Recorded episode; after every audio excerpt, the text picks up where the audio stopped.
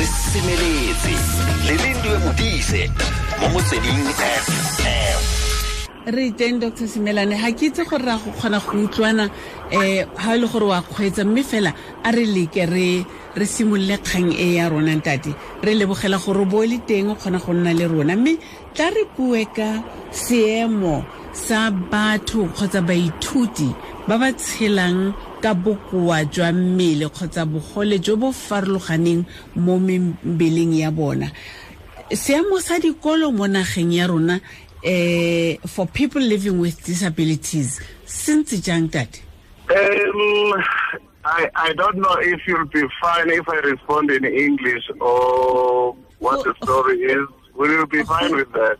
Go o itse kgotsa sezwana o ka nna wa se bua le sone I, don't want to even try uh, Suzuki because uh, I'll be in trouble.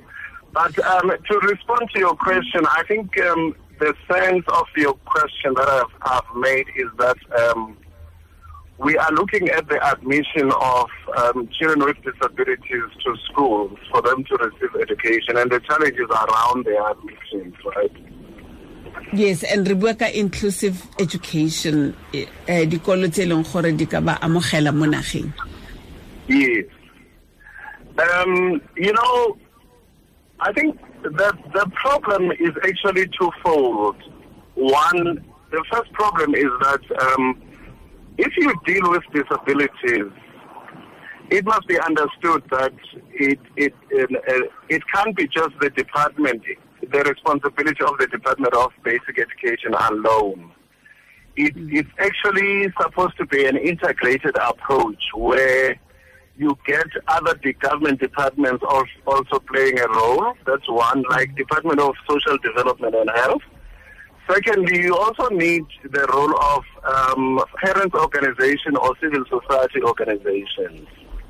They all have to have a role. Now, before a child with a disability can be admitted to school, there must be an assessment process to establish the extent of the disability, the type of disability for appropriate placement so that we know at which school should the child be admitted. Now, the challenge is without the intervention at early years, like from birth to say about five years, when there have been no interventions or no assessment at that stage, where the children are actually a responsibility of social development and Department of Health from birth, because every child who is born is being screened. So the information should be available from Department of Health and Department of Social Development through the ECD centers so that when they come to basic education to start formal schooling, at least there must have been assessment that has been done so that then we, we simply look at where we properly place them. But in the majority of cases, we find that children are simply brought to school without any early interventions, any assessment at all. Then we start um, trying to sanction the assessments of all the individual children so that we know where we where we place them, at which schools we need to place them, whether we place them at special needs schools or we place them at mainstream schools. Because in our case, for mainstream schools which are inclusive, we we only admit children with moderate levels of disability, and then we set aside the special needs schools for those learners with disabilities which are severe to profound. That's mm-hmm. our approach to it. So the key thing is, finally, the, the key thing is there are also other players within DBE. That is, the districts, the district offices should play the role. Together with the school, they must support the schools in processing the assessments and therefore the placement. What we have found as inclusive education is that districts actually, you know, do not play their role. And that is why um, sometime last month I was privileged to be given a slot at ministers' meeting with district directors. And that's where I, I presented the role of the districts in the process of admissions of children with special needs to, to, to schools. but ntate di di di, di, di common disabilities or kgotsa learning common learning disabilities tse di leng teng um mo mo mo baneng ba rona Mm. um a de- department yona e dira yang gore i understand gore you know the only department e re ke re department of education is not the only one that has to bear or to carry the responsibility ya bana ba. Health department le yona e teng social development le yona e teng di-parents le tsona. Maybe ke botse ka di-parents gore tsona re di tsaya kae re di beya kae? Because ya ka o bua ka gore ngwana ha a belegwa immediately Yeah. re tshwanetse as parents go itse gore ngwano o siame kgotsa ha a siama na. And then motlhomong di-parents ha di itse ha di na direction ya gore ba ye kae ba simolole kae ka ngwana ba bolelele mang pele gore ngwana ke yo o belegwe uh, health department it detectile which is clinic in this case it detectile uh, disability e ke gore long before ngwana a tsena sekolo somewhere or somehow these three or more departments ba tshwanetse ba itse gore we have a child o tlang o leng mo tseleng ya go tla sekolong how do we Exactly. For this child. Re batswadi re dira yang gore go nne yalo? Together with the department of education le tse ding tse tsa social development and health. Actually ke nagana gore the first person ke department of health. Yes. The, the, the- yeah, the first, the first um, department with a responsibility is health, like you have correctly pointed out, because in fact, it is the responsibility of the Department of Health to hmm. screen every child at birth. In hmm. fact, even before before birth, when when parents go to clinics and they Yeah. go regularly, yeah. there, there will be and, and and there are these sonars they are taken through sonars and stuff like that. Hmm. Those those screening equipment are able to pick up a, a disability. An example if if you if you take um, a pregnant woman to a gynecologist as an example and maybe from three months or so when they do the sonar for instance, if, if a child has a potential of being born with Down syndrome, you actually mm. look at the back of the head. Mm, mm. That gives you an indication that the child is, is likely to be born with Down syndrome as a disability. So some disabilities can even be detected before birth as a starting point. So to answer your question, we haven't done much um, to engage parents in this regard yet. In terms of our own um, admissions policy and our South African Schools Act, it clearly stipulates that the parent has a right to choose which school should his or her child be admitted to.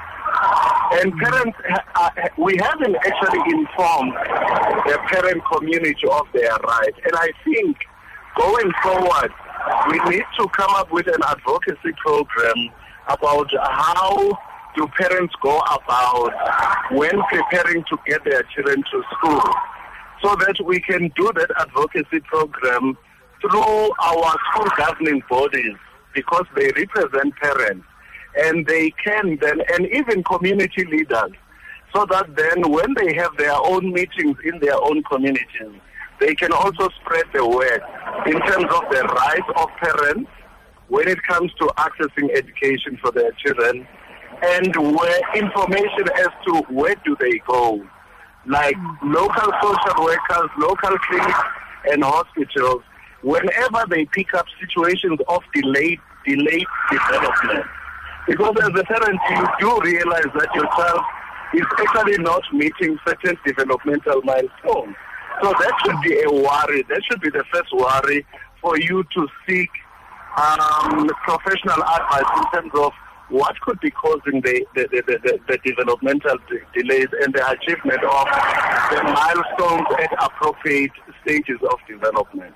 So I think that's the that's the part that we need to address and which we need to package in a, in an advocacy program of sort. And that is what we are looking at as basic education.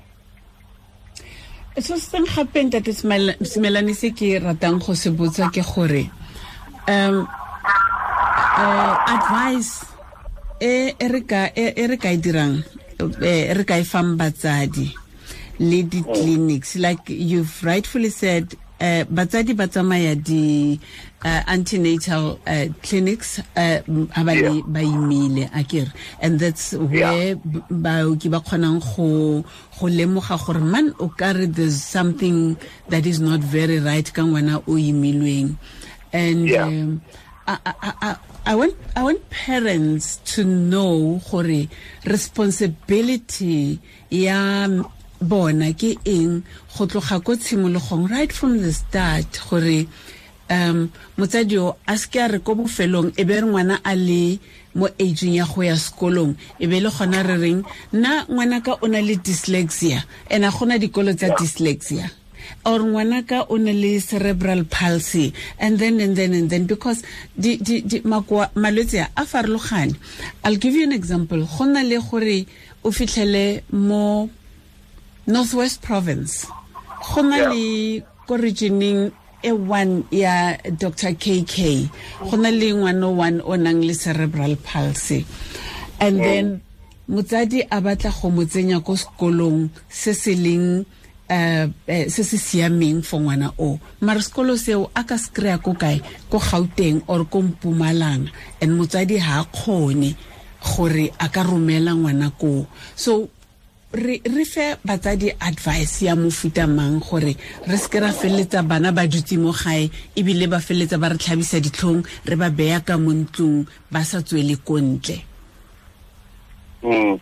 Look, um, my response to that would be to say, look, um, I think, I think parents, maybe it's something that we need to advocate, and that is what I actually informed the district directors that when it comes to children being admitted to school, parents need to take their children to the nearest school hmm. first, so that then it becomes a matter of whether it's a child with a disability, whatever disability, take your hmm. child to the nearest school for admission. Then, if the school, the local school, will be unable to teach the child with the that the child is coming with, then it is the responsibility of the principal to contact with immediate effect to contact the district office so that they set up an assessment uh, session for the child to determine the disability and therefore to decide to which school to go. But coming to a question and an example of a child with cerebral, cerebral palsy. Hello? hello hello i'm listening Okay. Coming to a child with a cerebral palsy, every child with a disability must be assessed first. Because in most cases, children with cerebral palsy, um, usually there is nothing wrong cognitively or in terms of mm. brain functioning. Mm. Those children can thrive very well and learn very well in mainstream schools.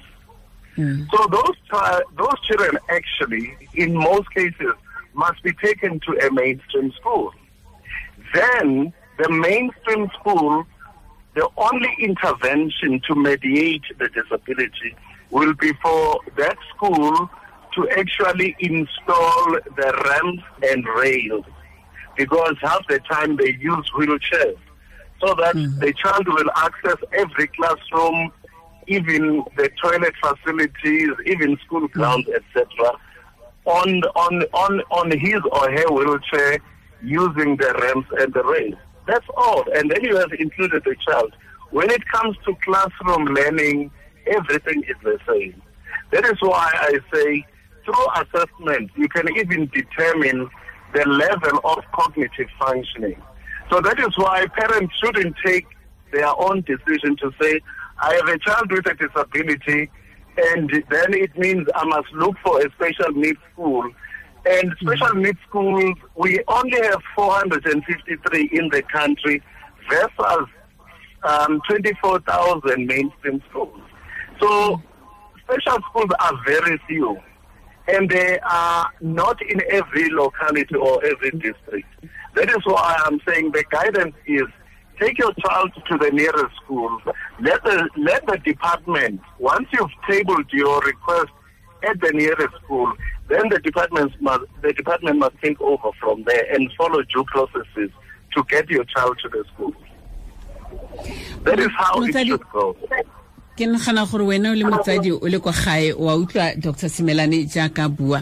Maikarabelo ke nna le wena a re tshwanetseng re a tseye pele. Ka dinako tse dingwe tla bo goroga ko sekolong ka ngwana yo o itse gore a ka yaka ntse re fa sekai ka ngwana o nang le cerebral palsy.